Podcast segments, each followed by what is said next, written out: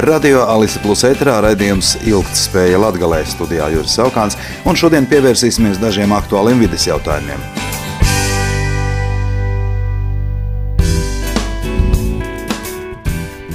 Latvijas pilsētas ir bagātas ar parkiem, apstādījumiem un augļu dārziem pie privātmājām. Tādēļ, tuvojoties rudenim, kā katru gadu, aktualizējas jautājums par šo teritoriju uzturēšanu kārtībā un par to, kā atbrīvoties no trūdošajām, nokritušajām lapām. Par šo jautājumu kārtējā pašvaldības rīkotajā preses konferencē Alise Plus izvaicāja Daugopils komunālās saimniecības pārvaldes vadītāju Aivaru Pudānu. Tātad mums jau izveidojusies kaut kur pieci gadi atpakaļ tāda programma gan pavasarī, gan rudenī uz desmit dienām izvietot Daugopilī desmit vietās zaļās masas savākšanas akcija. Tā, tāda notiek.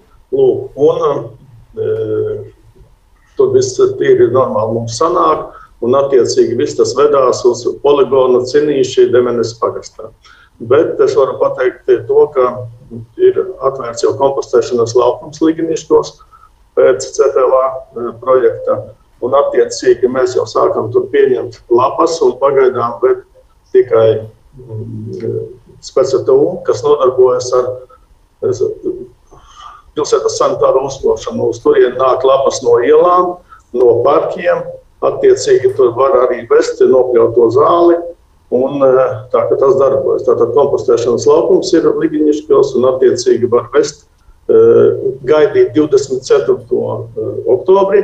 Un no 24. oktobra līdz 4. novembrim būs izvietotas konteineri un attiecīgi regulāri viņi tiek vesti pēc piepildījuma uz poligonu un tur kā saka, kompostēšanas kaudzēs uzglabāsies uz tālāko pārsegumu. Pagājušajā nedēļā sabiedrība tika informēta par to, ka Līvāna novadā konstatēti brīvi klīstam un ganāmies trīs sumbri, kuru uzvedība vedināja speciālistus domāt, ka sumbri ir pieraduši pie cilvēkiem un varētu būt izmukuši no vietas, kur tie turēti iežogotā platībā nebrīvē. Tā kā gan Latvijā, gan kaimiņu valstīs sumbri tiek turēti briežu dārzos un privātos zooloģiskajos dārzos, pārvalde aicināja steidzami atsaukties sumbru īpašniekus, kā arī atgādināja, ka stingri neiesaka tuvoties, traucēt vai piebarot dzīvniekus. Sumbrs ir bara dzīvnieks, un, lai gan tas ir zālēdājs, tomēr kā jebkurš savvaļas dzīvnieks, izjūtot apdraudējumu, var kļūt bīstams cilvēkam. Tādēļ, vērojot šo dzīvnieku, ir jāietur droša distance, vismaz 30 metri, un jāizvarās no tieša kontakta. Kategoriski aizliegts dzīvnieku apzināti pievarot, jo tas sekmē pierašanu pie cilvēka un uzturēšanos apdzīvotu vietu tuvumā. Turklāt rudens sumbriem ir pārošanās laiks, un drošības labad lielo īpašniekiem gan Līvānu novada Rožupes pagastā, gan citās apkaimēs būtu vēlams lopus naktī ganībās neatstāt. Vēsturiski sumbris ir bijusi Latvijas savvaļā dabiski sastopama suga, līdz ar to sumbra atgriešanās Latvijas savvaļā ir dabisks process, tiem ienākot Latvijas teritorijā no Lietuvas vai Baltkrievijas. Austrumē Eiropas mērogā sumbrs bija salīdzinoši bieži sastopams, tomēr intensīvās medīšanas un dzīvotņu izzušanas dēļ populācija beidza pastāvēt 20. gadsimta sākumā.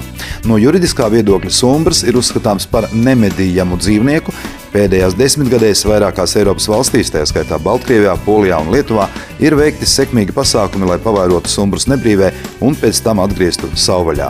Jautājumu par savvaļas dzīvnieku parādīšanos blīvi apdzīvotās vietās Radio Alise Plus aktualizē arī ikdienas online preses konferencē ar Latvijas lielākās pilsētas Daugopils administrāciju un atbildes sniedza pašvaldības mērs Andrejs Elksniņš kopā ar izpilddirektora vietnieku Kārli Rasi.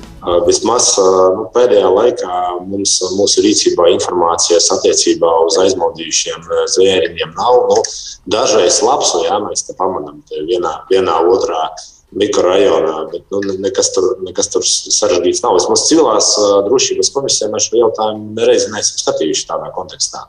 Nesmu skatījusies, cik man zināms, arī nav šādu noklīdušu dzīvnieku. Bija tur pāris gadi atpakaļ stāsts par trako bebru, bet Pagaidām jau nekas tāds nav, nav, nav bijis. Jāpiebilst, ka gadījumā, ja jūs novērojat sumbru tuvošanos apdzīvotām vietām, viensētām, vai arī to uzvedība kļuvusi agresīva, kā arī, ja šie dzīvnieki nonāk bezpalīdzīgā stāvoklī, savainojuma, iestrēgšanas vai citiem iemeslu dēļ, tūlītēji jāziņo dabas aizsardzības pārvaldei pa tālruni 28 32 30 81.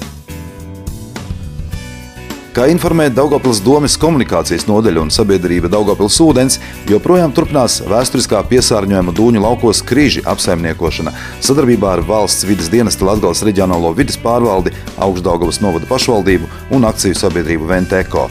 Šogad sākta pilota projekta realizācija, kurā paredzēts dūņu lauku križi teritorijā esošās dūņas izlietot atkritumu izgāstuves pārklāšanai un lauksaimniecības zemju mēslošanai. Tāpat tika paplašināti fitoremediācijas tehnoloģijas izmantošanas pasākumi. Izziņai jāpiebilst, ka dūņu lauki krīži ir izbūvēti 1986. gadā bijušās izgāstuves piegulošajā teritorijā Augstdaugavas novada Naujenes pagastā. 13 krātuvēs pagaidu uzglabāšanai tika izvestas un joprojām glabājas 142,057 tonnas sēnes saražoto notekūdeņu dūņu no Daugopils pilsētas kanalizācijas iekārtām. Šīs dūņas nav piemērotas biogāzes ražošanai, un eh, tās ir jāutilizē izmantojot citas pārstrādes tehnoloģijas un veicot teritorijas sanāciju, lai neradītu vides piesārņojuma draudus. Tomēr, eh, tā kā šādas darbības nav iekļautas Eiropas Savienības atbalsta programmās, valsts investīcijas dūņu lauka apsaimniekošanā apsaimniekošanā un sanācijā no to izbūves laika līdz šim brīdim nav paredzētas. Vēsturiski piesārņotā objekta uzturēšanu veids Sijā Daugopils ūdens savu finanšu un tehnisko iespēju ietvaros, jo e, dūņu lauka apsaimniekošanas izmaksas diemžēl nav iekļautas tarifā. Neskatoties uz monitoringu un periodiski veiktiem darbiem aizsargu vaļņu paaugstināšanai un nostiprināšanai, pagājušajā gadā notika dūņu kartes vaļņa sabrukums ar dūņu noplūdi, un saskaņā ar valsts vidas dienas norādījumiem tika izpildīts neatliekamo pasākumu plāns šīs avārijas seku likvidācijai. Paralēli tika meklēti inovatīvi un vienlaikus finansiāli reāli risinājumi, kā samazināt uzkrāto dūņu apjomu un novērst blakus esošo teritoriju piesārņošanu. Lai uzsāktu vēsturiskā piesārņojuma likvidāciju Dūņu laukos krīži, tika noslēgta līguma ar sanācijas firmu akciju sabiedrību Venteko teritorijas ģeoloģiskās izpētes veikšanai, piesārņojuma areāla un apjoma noteikšanai un sanācijas pasākumu plāna izstrādēji. Dūņu paraugu testēšanas rezultāts ļāva secināt, ka saskaņā ar ministru kabineta 362. noteikumu par notekūdeņu dūņu un to kompostu izmantošanu, monitoringu un kontroli, dūņas no dažādām krātuvēm var izmantot augsnes mēslošanai lauksaimniecības zemēs, mežsaimniecībā, teritorijas apzaļumošanai, degradēto platību un atkritumu poligonu rekultivācijai un tam līdzīgi. Izmantojot šo iespēju, tika uzsāktas jau iepriekš pieminētais pilotu projekts. Tā pirmā etapa ietvaros jau šā gada augustā no piektās dūņu kartes eh, vairāk nekā 1000 kubikmetru notekūdeņa dūņu komposta tika pārvietoti uz augstdaugos novada pašvaldībai piedarošo slēgto cieto sadzīves atkritumu un rūpniecisko atkritumu izgāstuvi Krīži. Papildus tam dūņu laukos sabiedrība Daugavpils ūdens turpina pielietot fitoremediācijas tehnoloģijas, kad piesārņotās augsnes vai ūdens attīrīšanai tiek izmantoti dzīvi augi. Šajā gadījumā tika izvēlēta selekcionēto ātraudzīgo kārklu stādīšana ap dūņu kartēm, kas kā bioloģisks filtrs piesaista no augsnes piesārņojušas vielas, tādējādi veicinot teritorijas atvesļošanu un piesārņojumu samazināšanu. Eksperimentālie darbi ar kārklu izmantošanu tika uzsākti pilsētas kanalizācijas attīrīšanas iekārtu teritorijā un pēc pozitīvu rezultātu saņemšanas veiksmīgi pielietoti dūņu laukos krīži. Jāatzīmē, ka fitoremediācijas metode ir ne tikai vidē draudzīga, bet arī neprasa lielus finanšu ieguldījumus, kas ļauj Daugopils ūdens speciālistiem bez papildus valsts finansējuma ik gadu paplašināt selekcionētu kārklu stādījumu platību un tā samazināt piesārņojumu dūņu laukos. Uz šo brīdi kāršu apmalēs ir iestādīti vairāk nekā 28,000 kārklu spraudeņu, un jau pēc pirmā vegetācijas gada dūņu laukos ir noteikts amonija, fosfora un slāpekļa piesārņojuma būtisks samazinājums. Tomēr, neskatoties uz acīm redzamo labumu, jārēķinās, ka šī metode ir laikietilpīga un eh, vienlaikus ir jāmeklē arī papildus risinājumi.